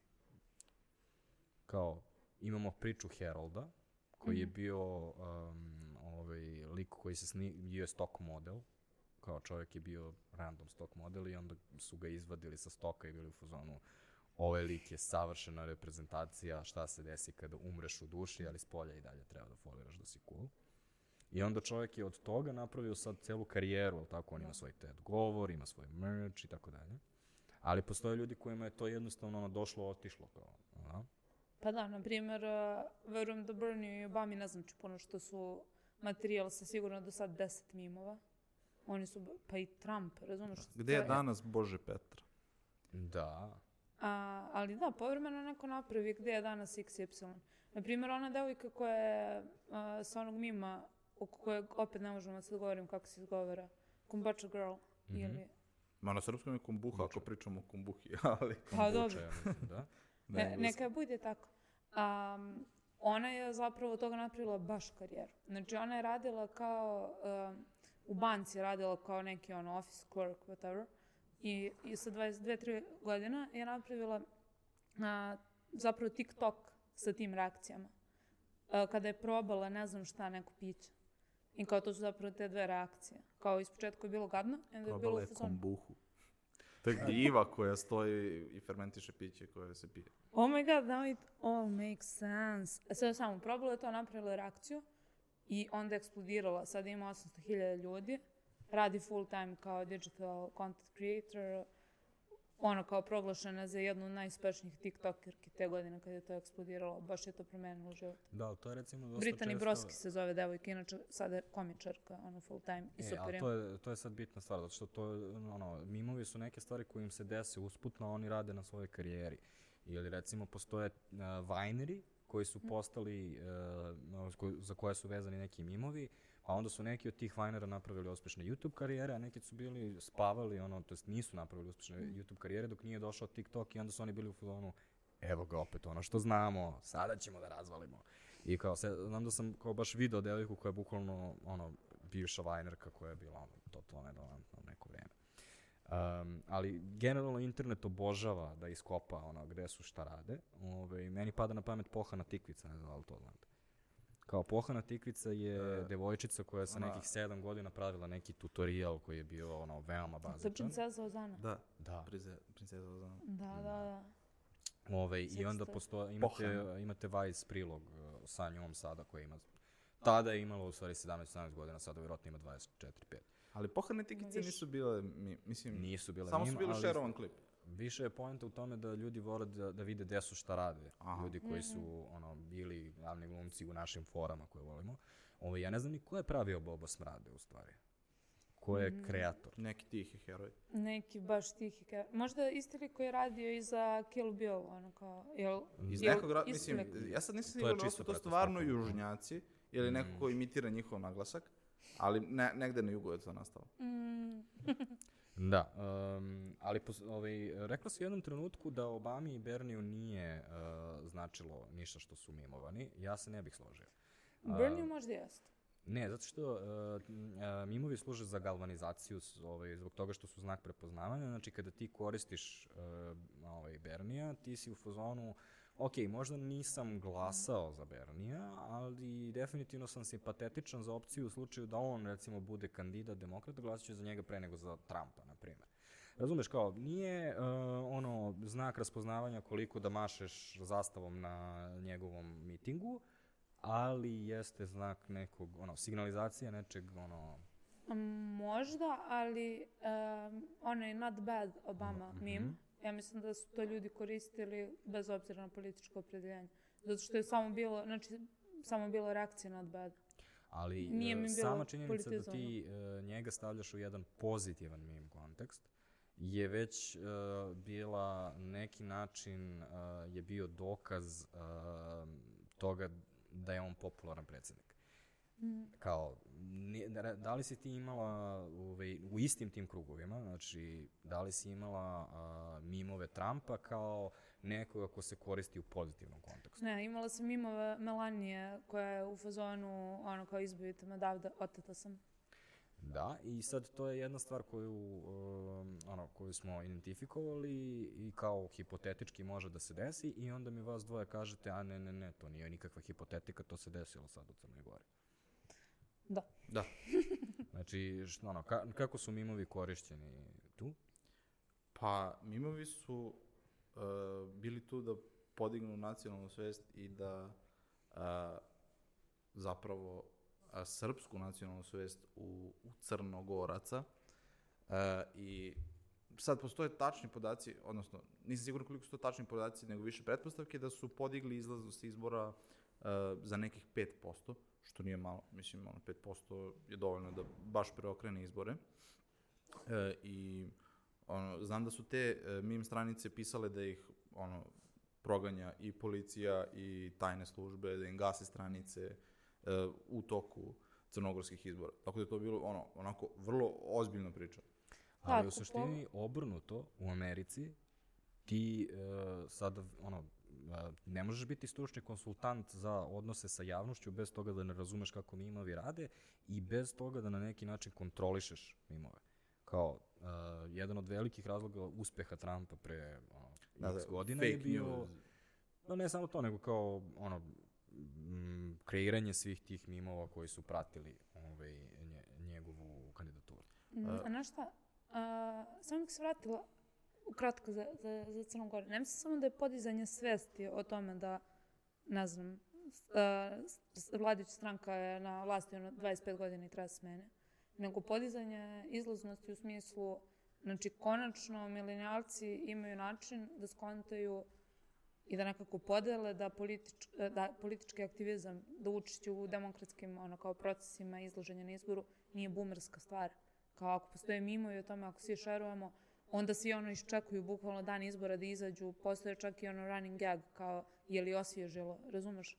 Znači postoji punchline cele priče i mnogo je manja šansa da ćeš onda zablejiš ono kao u nedelju da ne odeš da glasaš, nego što je u Srbiji gde ono kao nemamo nažalost takvu inicijativu. Ove, a, takođe, a, kada si rekla politički aktivizam, nastavlja se i ovaj standardni aktivizam, odnosno nama su bile ovde a, ženska posla koja su suštinski mim stranica, je tako? Oni Da. proizvode gomilu svojih mimova da bi ukazali na probleme koje smatraju da su a, problemi društva. Pa da, mislim, oplemenjena mim stranica. Uh, deo, Produhovljena. produhovljena, renesansna. Ali deo njihovog kontenta sada nije samo mim. Oni kada pričaju o nečemu što je bitno, razumeš, ne znam, recimo mini hidroelektranama, nećeš dobiti mimove o tome. Dobit ćeš ono kao tekst koji te obaveštava i poziva na akciju da ureš nešto. E, ali to je sad ono, koristiš mimove da bi prikukao pažnju, a onda da uradiš uh, edukaciju, znači imaš ono ceo krug svega, ali ne možeš da radiš samo ovaj, edukaciju, što mislim da ljudi kada pokušavaju da razmišljaju danas o ozbiljnim temama, bilo da su ono, a, društveni aktivizam, politički aktivizam, bilo kakav a, ono, bilo kakva vrsta ozbiljnog delovanja, očekuju nekog veoma namrštenog lika sa kravatom koji će da ono, ima veoma fancy prezentaciju, koristi jako skupe reči, um, ovaj, međutim, ako zaista želiš da utičeš na javnost danas, ne možeš da ne razumeš što ono, kako se koriste mimovi i kako će, ovaj, šta, će se, ono, šta će se desiti kada pustiš ih zaista u javnost. Um, kako po vama uh, funkcioniše uvoz mimova? Dobro ili loše? Ne postoje tu pravila. Mislim da svaki put neko pokuša, ali moguće da taj koji prvi pokuša ne uradi dovoljno dobar posao i e, ne raširi. Pazi, zbog toga što su mimovi znak prepoznavanja i moraju baš dobro da um, ovaj, uh, baš dobro da te pogode da bi radili, uh, ti sad imaš ono ceo pokret praktično ono kreatora koji stavljaju znači ljude sa naše estrade, scene iz parova, scene iz zama 90-ih i tako dalje. I onda njih, na njih mimuju. I sad, najjednostavniji način mimovanja jeste da imaš ono 16.9 video, a onda iznad uh, u, dopišeš ono 1.1 i onda imaš najobičnijim Arialom. Ja, kada. Je li tako? Da, ali um, na, ima, mislim, ono, postoje mimovi koji su jako uspešno uvezani. Strong Naprimjer- Inu, Wiki Inu je jako uspešno. Da, i oni kao serum koji pronalazi naučnik. Mm. Sećate se toga, finally something. Na primjer, Mhm. finally nogo polumenta. Umesto šaku polumenta. A Mislim, isto je, i- it's fun. da, ono što to se što- primilo kod nas jeste ono sa kao moždanim ćelijama. Kao koliko Mm. si, ono, Maximum brain. maksimum brain, da. To se isto baš se dobro, baš primilo. baš se primilo kod nas. Pa i onaj sa, kada postaješ klovan, kada lažeš nešto sebe. Da, ali pa i malo oni manje kad- dobro. Malo manje dobro, ali si primio isto dosta. A, Ali Pa- znate šta je zan- zanimljivo? Sad kad, kad prevrtimo film, primjere koje smo koristili kao ono što ljudi kontaju kao mimove, tipa Success Kid, Overly Attached Girlfriend i tako te stvari, to se nije primilo. Kao te, ta, ta, je, ta varijanta nije. zato što je to weakest meme form. Ali takođe i postoji i, temporalna dimenzija, u smislu ljudi su danas mnogo ve- svesniji mimova nego što su bili. A i, a, Nekad, jednostavno nije, nije ni bilo lokalno relevantno. Mislim da ono kao Mm. u srpskoj kulturi nije ono kao da... O, šta će mi Overly Attached Girlfriend kad Da, imam mislim- majku svoju srpsku Pa koja, koja zove svaki ne- dva ne- minuta da pita gde sam, jesam se napio i kad ću da dođem kući. Ali ne znam, tak, ne znam takve primere uživo da, da je neko imao tako da Naše devojke se ne ponašaju tako, da, jer da, su jače od toga i bolje. Tako je. Ove, nego, uh, ovaj, sad, uh, još uvek bi se reklo uh, da, da, da, da, je ak aktuelan, Humela, sad smo ga pitali. A, između ostalog, pojavio se na, na TikToku sada uh, Humela, različite Humele koje neko je stavio usta, uh, tako da priča, ono, šta su, šta su citati koji Humele inače koriste. Ali uh, gde ste prvi put videli Humelu? Humela lokalni izum?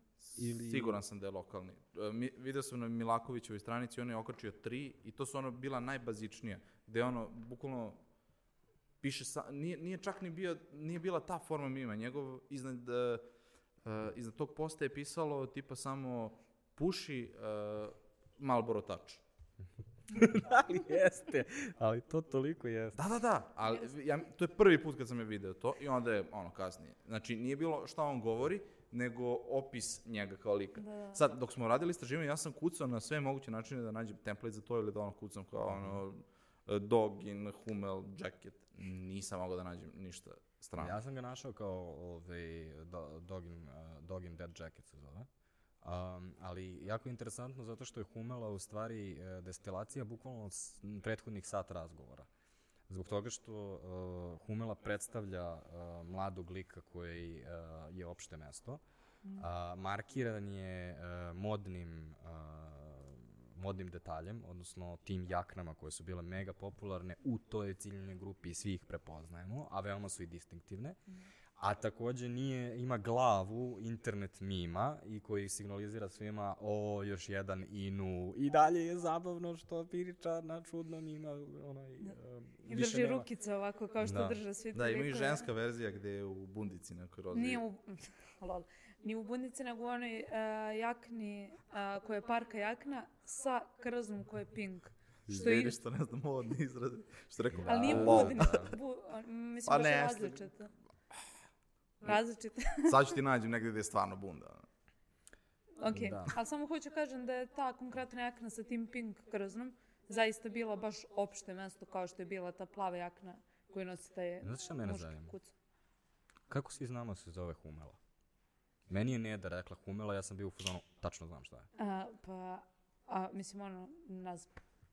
Kao humela kao jakna. Kako se zove brand? Humel je je jakna. Humel je jakna. A kumela kao Da. kumela backflash. Iskreno, mislim da su Molim? Čekaj, Da. šta? Ne. se... Kumela, da. Mislim, Misliš da su te stvari povezane? Pa sam mislio kao jakna Ja NDC. ne, ne, ne, Kumela kao, postoji kao muzičar, a i postoji kao ono... šta- Kumara. isto. Kumara, da. Kao Kumela i onda Humela. Iskreno, ja sam to prvi put video, na, po, postoji uh, Viber sticker uh, paket koji se zove Humela sa njima. I ja, ono, Wow. Ok. O, o, baš je otišlo daleko. ne, ali to se ovaj, baš brzo pojavilo. A, međutim, a, fore koje Humela iznosi su a, malo relevantnija varijanta, to jest a, primjena jednog već postojećeg mima, koji je dosta u stvari često bio dživđan, a, ili opšteg mesta, samo na određenu konkretnu generaciju. Mm. Znači, kao razlog zašto se svi smejemo na Marlboro Touch je zato što, da, ti uh, ljudi tog, sta, te starozne grupe svi iz nekog razloga puše Marlboro Touch. Da kažeš, mislim, radule. Da. Ove, ali, uh, on je u stvari neka vrsta, podvrsta reprezentacije opšteg mesta ili um, ove, dživđana. Pa da, on je nekako na reprezentaciji toga šta je smešno kod nečega što je basic. Mm. To je to. Dživđan je malo za starije, da kažem. Pa, dživđan je kao... Da, ali dan pazi, ranije na primjer, da. Dživđan kaže ono, e, nije hladno koliko duva. To neće reći Neće, neće. kuč. On će reći ono, nešto drugo. Mi smo bili najluđe generacije. Da. Ali Dživčan je... Mislim da Dživčan a, prikazuje uopšte mesta ono kao naših roditelja. Šta je nekako postoji u narodu, promaja će te ubiti, razumiješ šta je faza? ja se izvinjam, je li Dživđan od početka imao paž frizuru? Ili je paž frizura u nekom trenutku dodata da bi... Mislim da uopšte Dživčan nema ne, paž mislim, frizuru. to je Dživđanova Dživđanova žena, žena. da. Ima paž A, Dživđan. frizuru. To, da. Tako da, ovaj, u suštini da, i Dživđan ima... E, znaš šta, mislim da isto bilo- Sad zamisli trenutno, trenutno da je Dživđan na vreme smislio, mogo je Dživđan da obuče Humel jaknu. Ne, postoji Mm. golub u toj jakni. Jel da? Mm. Da. Nije baš vrabac, ali je golub u toj jakni. I jako mu dobro stoji humel jakni. Ali čekaj, Dživčan, ako se dobro sećam, ima one ruke koji su zapravo sako. E, zavisi, I nekada pije... Da, drži kaficu. Baš je davno bilo to nešto. Mm. Ove, ali u suštini, um, ove, Dživđan je dobar primjer i ta evolucija jeste uh, kao šta danas, dokle možeš da odeš sa proizvodnjom imova. I recimo Nakita i PewDiePie su mi odlični primjeri za to. U 2021.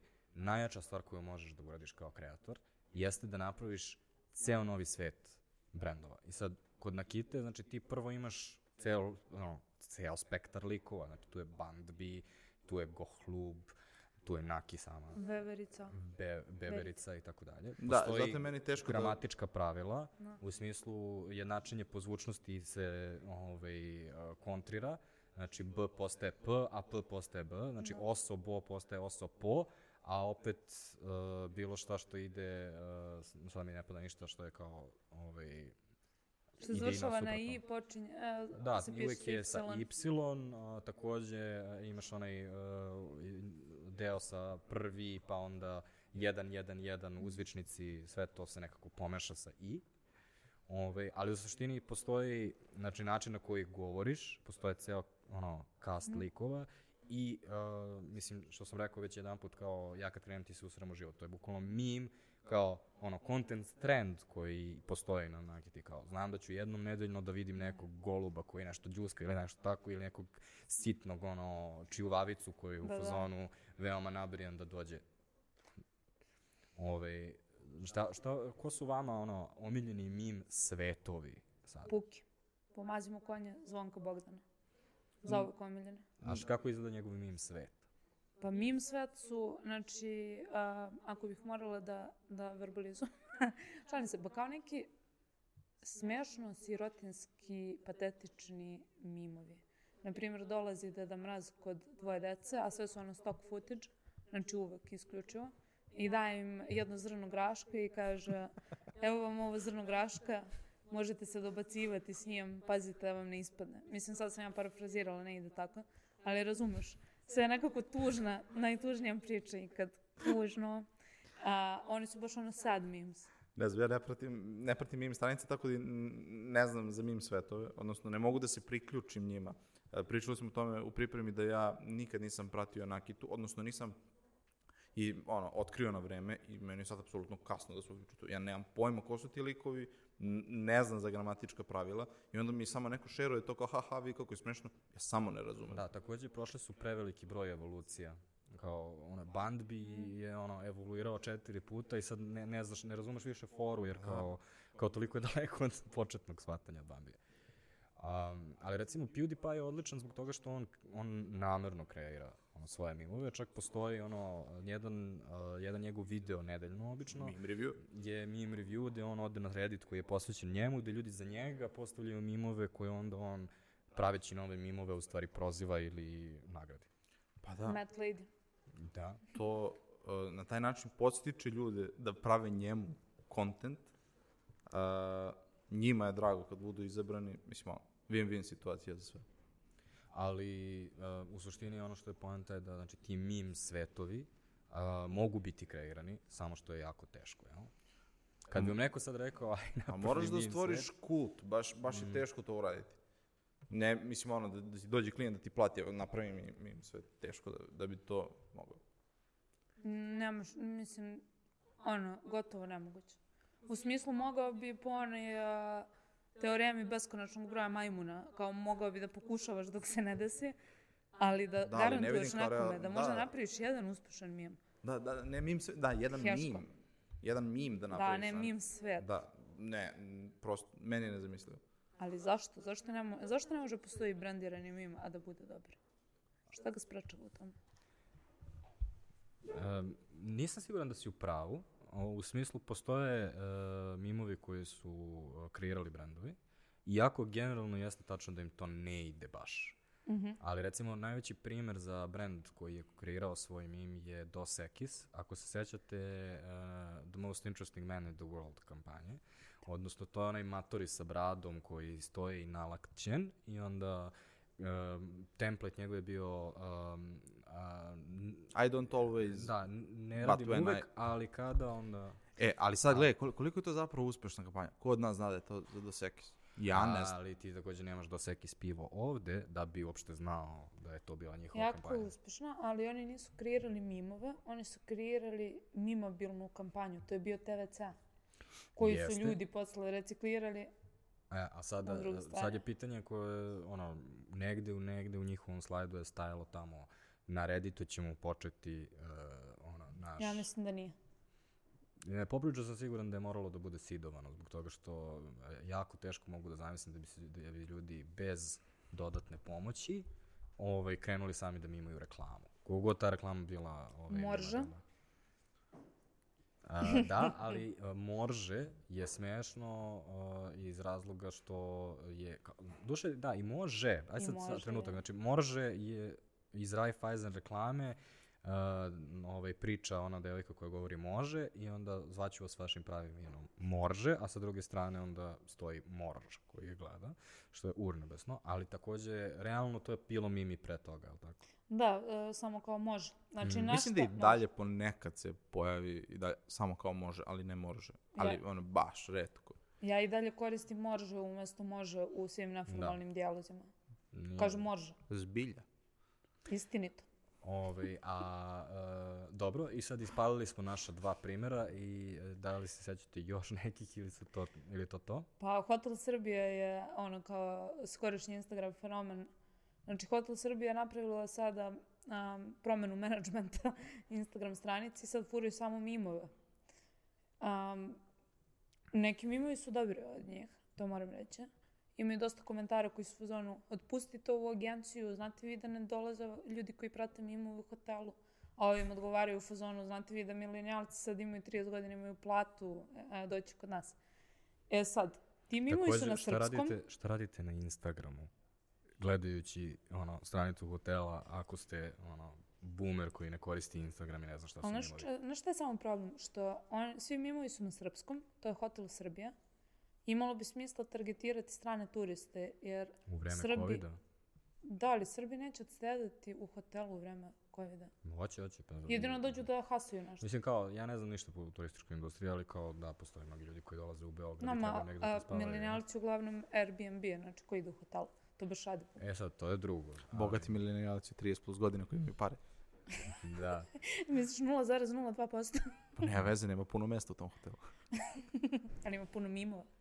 I je- čekaju vas na tacni. Ali mislim da oni zapravo pokušavaju više da promovišu svoj restoran. E onda ima baš smisla. Zato što meni nikad ne bi palo na pamet da odem u hotel Srbije da jedem nešto.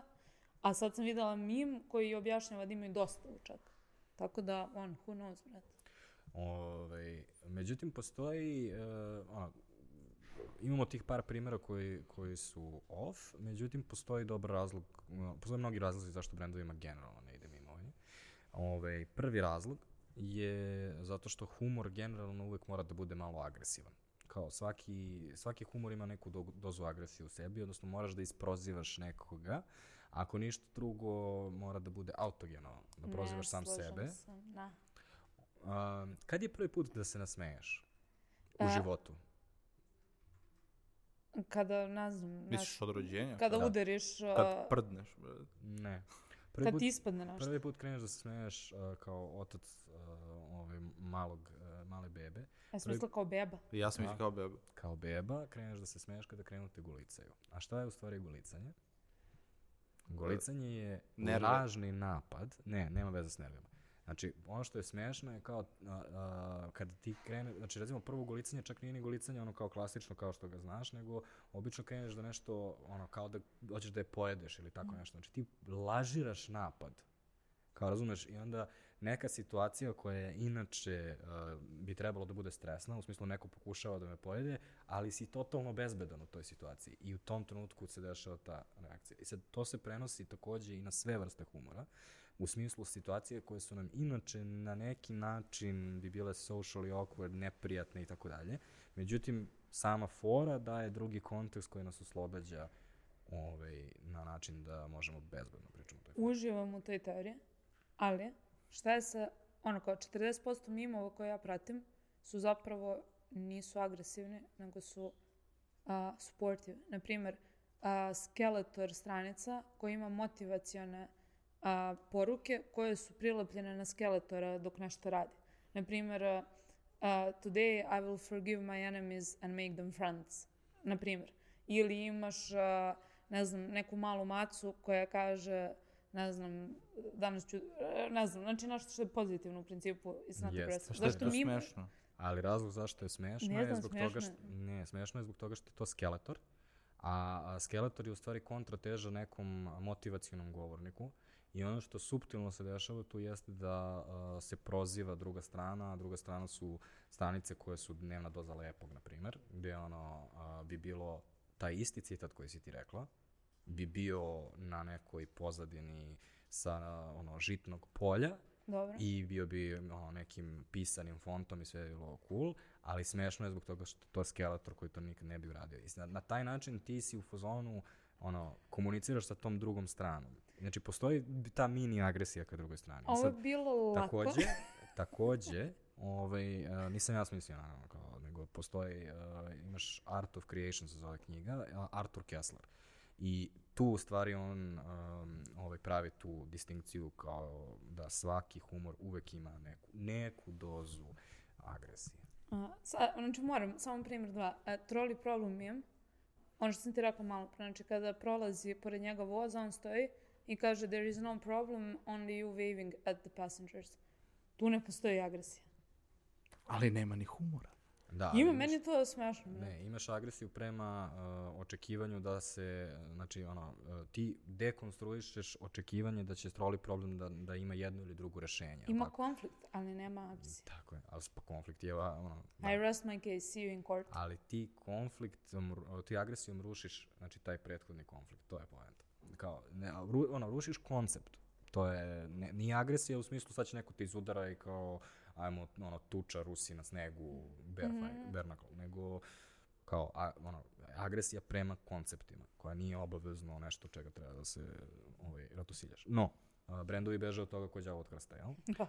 Ove, a druga stvar koja je problem je način na koji funkcionišu, uh, funkcioniše većina brendova i to opet Hotel Srbija je odličan primer za to, zbog toga što taj, taj, uh, ta osoba je uh, u trenutku kad je preuzela da radi stranicu, prva stvar je bila ono Vikinu, ši, uh, Vikinu Strong Inu kao novi admin stranice, stari admin stranice. Ne, jel? bio je bio onaj mim gde lik, neki mladić stoji na grobu. Mhm. I stari admin je bio Da. na grobu, a on je bio novi admin stranice. Više, ja do sad nisam imao pojma o čemu vi pričate, do ovog trenutka. Te dve stvari sam video. E, Aha, e. ovaj, ali, Ali cela ni- poenta je što, znači, neko je dao tom čoveku, odreše, čoveku, ženi, odrešene ruke, ovaj, i ne postoji ono, um, ono, kao, bukvalno, sva, ono, ne- ono, pozdravljamo te samo nastavi, ali uh, uglavnom kad radiš sa ono, ogromnim brendovima, ono, postoji hiljadu nivoa kontrole i um, onda način na koji se planiraju ono, po, ključne poruke kampanje traje mesecima, što znači da već sam proces nije uh, pogodan za pravljanje mimova zbog toga što prođe mim dok ti napraviš celu Da, da. kampanju. Da. Um, takođe, uh, ako mo moramo da budemo realni, um, ono, agencije uvek pokušavaju da kažu da su daleko više na pulsu trendova nego što su velike korporacije. Um, to je ono što kao, zašto smo mi kao konsultanti za uh, kulturu ovaj, često. Međutim, takođe, dok agencija ukači nešto, to već je, znači, ono, postoji kao već se raširilo donekle.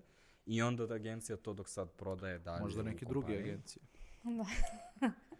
Ali mi imamo takođe dosta, ono, ono, mi smo kao više u kulturi mladih možda nego drugi, ali takođe imamo često svoje ono, slepe uglove ove, gde se, gde, gde se ono, iznenadimo, a takođe imamo često i kontraslepi ugao, u smislu Uh, Šta je kontraslepi ugao? Pa kontraslepi ugao je trenutak kada ti kažeš uh, da je ne, negujemo više nije relevantna stranica kao a kad trenutku kad ima 60.000 lajkova po postu, I... rekao bih da si i dalje relevantna stranica. I kada go unemi brand da i bude vrlo ispraćeno to što uradi. Da si koji brand i e, za da. koji ti džem. Ali to je jedna stvar koju, ste, koju jeste lepo identifikovali, čak kada i brendovi uspeju da, da inkorporiraju mimove u svoju komunikaciju, a, brand komunikacija je često poljubac smrti, odnosno kada se brendovi dohote mima, to je znači da je kraj. Ovako, prestaje da bude cool, jel? Jeste. Smiješno mi je previše par. Ali, na primjer, Ikea za Burnija, oni su iskidani. Mislim, taj mim je bio osuđen da propadne zato što je besmislen. Bernie na stolici. Ok, whatever. Ali Ikea baš napravila dobru stvar sa stolicom koja se zove Bernie koju prodaju sada. Uradili su to za, ono, kao u kratkom roku i zanimljivo je i kao cool je. Da, ali ja mislim da je samo stvar u tome što su radili to u kratkom roku. Ja mislim da je stvar u tome što nisu pokušali da naprave mim, nego su napravili proizvod koji aludira na mim. Mm. To je razlika, znači nisu bili u fazonu, evo... Pritom si ti siguran da postoji stolica koja se zove Bernie u Ikei ili je neko samo napisao na, na stolici koja se zove Dragan ili nešto tako? Ne, ja mislim da je samo pisao sedi kao Bernie. I... Da. Da, ali nisi siguran da se stolica zove Bernie. Ja kao da sam da se stoji, ali nije ni bitno. Znači mm. oni su ono kao m, svoju stolicu proizvod su iskoristili da aludiraju na mim. Nisu postavili Bernie da sedi u Ikei. Pa da. Da, ali ono što jeste problem je često, um, ono, ovo je baš se lepo na, na uh, ono, imaš stolicu, prodaješ stolice, ali često u stvari brendovi pokušavaju da, recimo, stave neko piće u Bernijevu ruku i kao... Jel se sećaš? Ve, niđe veze. Jel se sećaš onog jednog od najgorih mimova? Možda možemo samo da skontamo i koji su nam najgori mimovi. Kad, ja ću početi. A, jedan najgorih je bio onaj trend kao Instagram, LinkedIn, Facebook i šta je bilo četvrto, o, Tinder. Tinder, da. I onda su brandovi uzeli to vreme. I, ja. I Da, mi smo izbacili par takvih postova. jesmo, jesmo, da. Um, problem sa time je opet bio u tome što brandovi um, obično nisu mogli dovoljno da odu na uh, Instagram story, uh, odnosno taj trenutak kada treba budeš casual, Ove, I kao, nisu mogli napraviti dovoljno veliki kontrast. Pa nema kontrasta. Mislim, poenta tog mima je u kontrastu, a ti ako imaš ujednačenu brand komunikaciju kao što bi trebalo da imaš, razumeš? Nema, nema, da, znači, bilo je dosta brendova koji su kao probali da urade cool stvari, jer su oni toliko cool i stavili su ono, sve četiri iste slike. Kao mm. oni su to za sve. To je okej. Okay. Ali nije okej okay kad se ponovi nekoliko puta. Nije. No. Nije. Tako da, a, o, onako, veoma e, od dana do dana. U smislu, a, e, postoje ti trenuci kada, kada eksplodiraju ti brendovi, to jest kao neki mm. mimovi koji su pogoni za brendove, između ostalog, jedan od razloga zašto je Bernie, kaži? Dobro, ali mi smo napravili uspešne mimove sada za Infostud grupu, bukvalno Google Translate meme sa srpskog na kompanijskog. Ja sam bukvalno zaboravila stvar koju sam radila. Znači, Shameless plug shameless plug, I don't even care, ali to je primer dobrog uh, content mima za klijenta, vrat. It was good. Um, da, ovaj, uh, sa time što ovaj, pitanje, jako, ono, jako je čudno kao kontekst je se jako dobro poklopio tu. Da. Ovaj, I u pitanju employer branding projekat. što ga, Pa, ono, što, što ga čini ono, malo ograničenim u odnosu na, na, recimo, kao sve što ste rekli sada, što ste rekli da nije bilo cool, kao pitanje bi šta bi se desilo da je imalo mnogo veće ambicije za mnogo veću ciljnu grupu, da si morala da dođeš do mnogo, na nekom, nekom kanalu. Da, ali to ne bi bio translator za korporacijski. Pa da. Da, Mislim, ne, ne bi došlo do te ideje.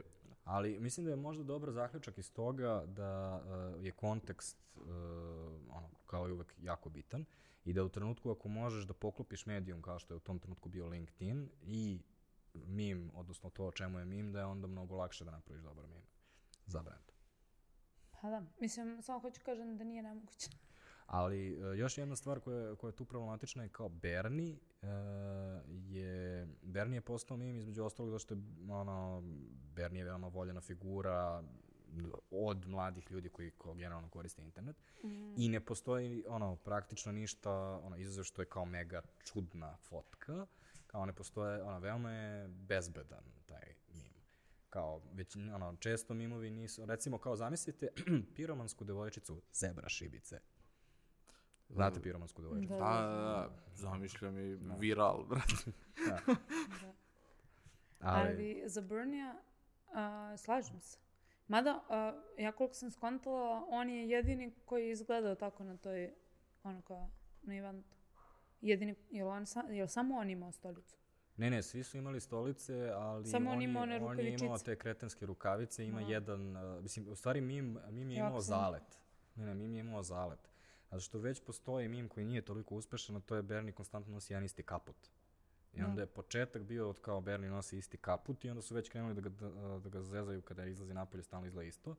I onda je došao s tim rukavicama koje su ono totalno ono, kretenske. Ali, a, mislim, Bernie ima i pre toga uspešan mim. On je, a, once again I ask you for your political help. Actually, taj je bio dobar baš. Kao, da. da, ovaj, uh, ali no, u suštini mu, mislim da uh, sa aspekta toga šta je postigo za njega, deluje mi da nije bio, nije ga predstavljao u najboljem mogućem svetlu. Uh, taj, opet dolazim da tražim doprinos. Mislim da su to zap, da je, ono, krenuo sa desnice taj mim. Da nisu Da, njegovi supporteri to napravili. Um, Looking i, at you, Stefan.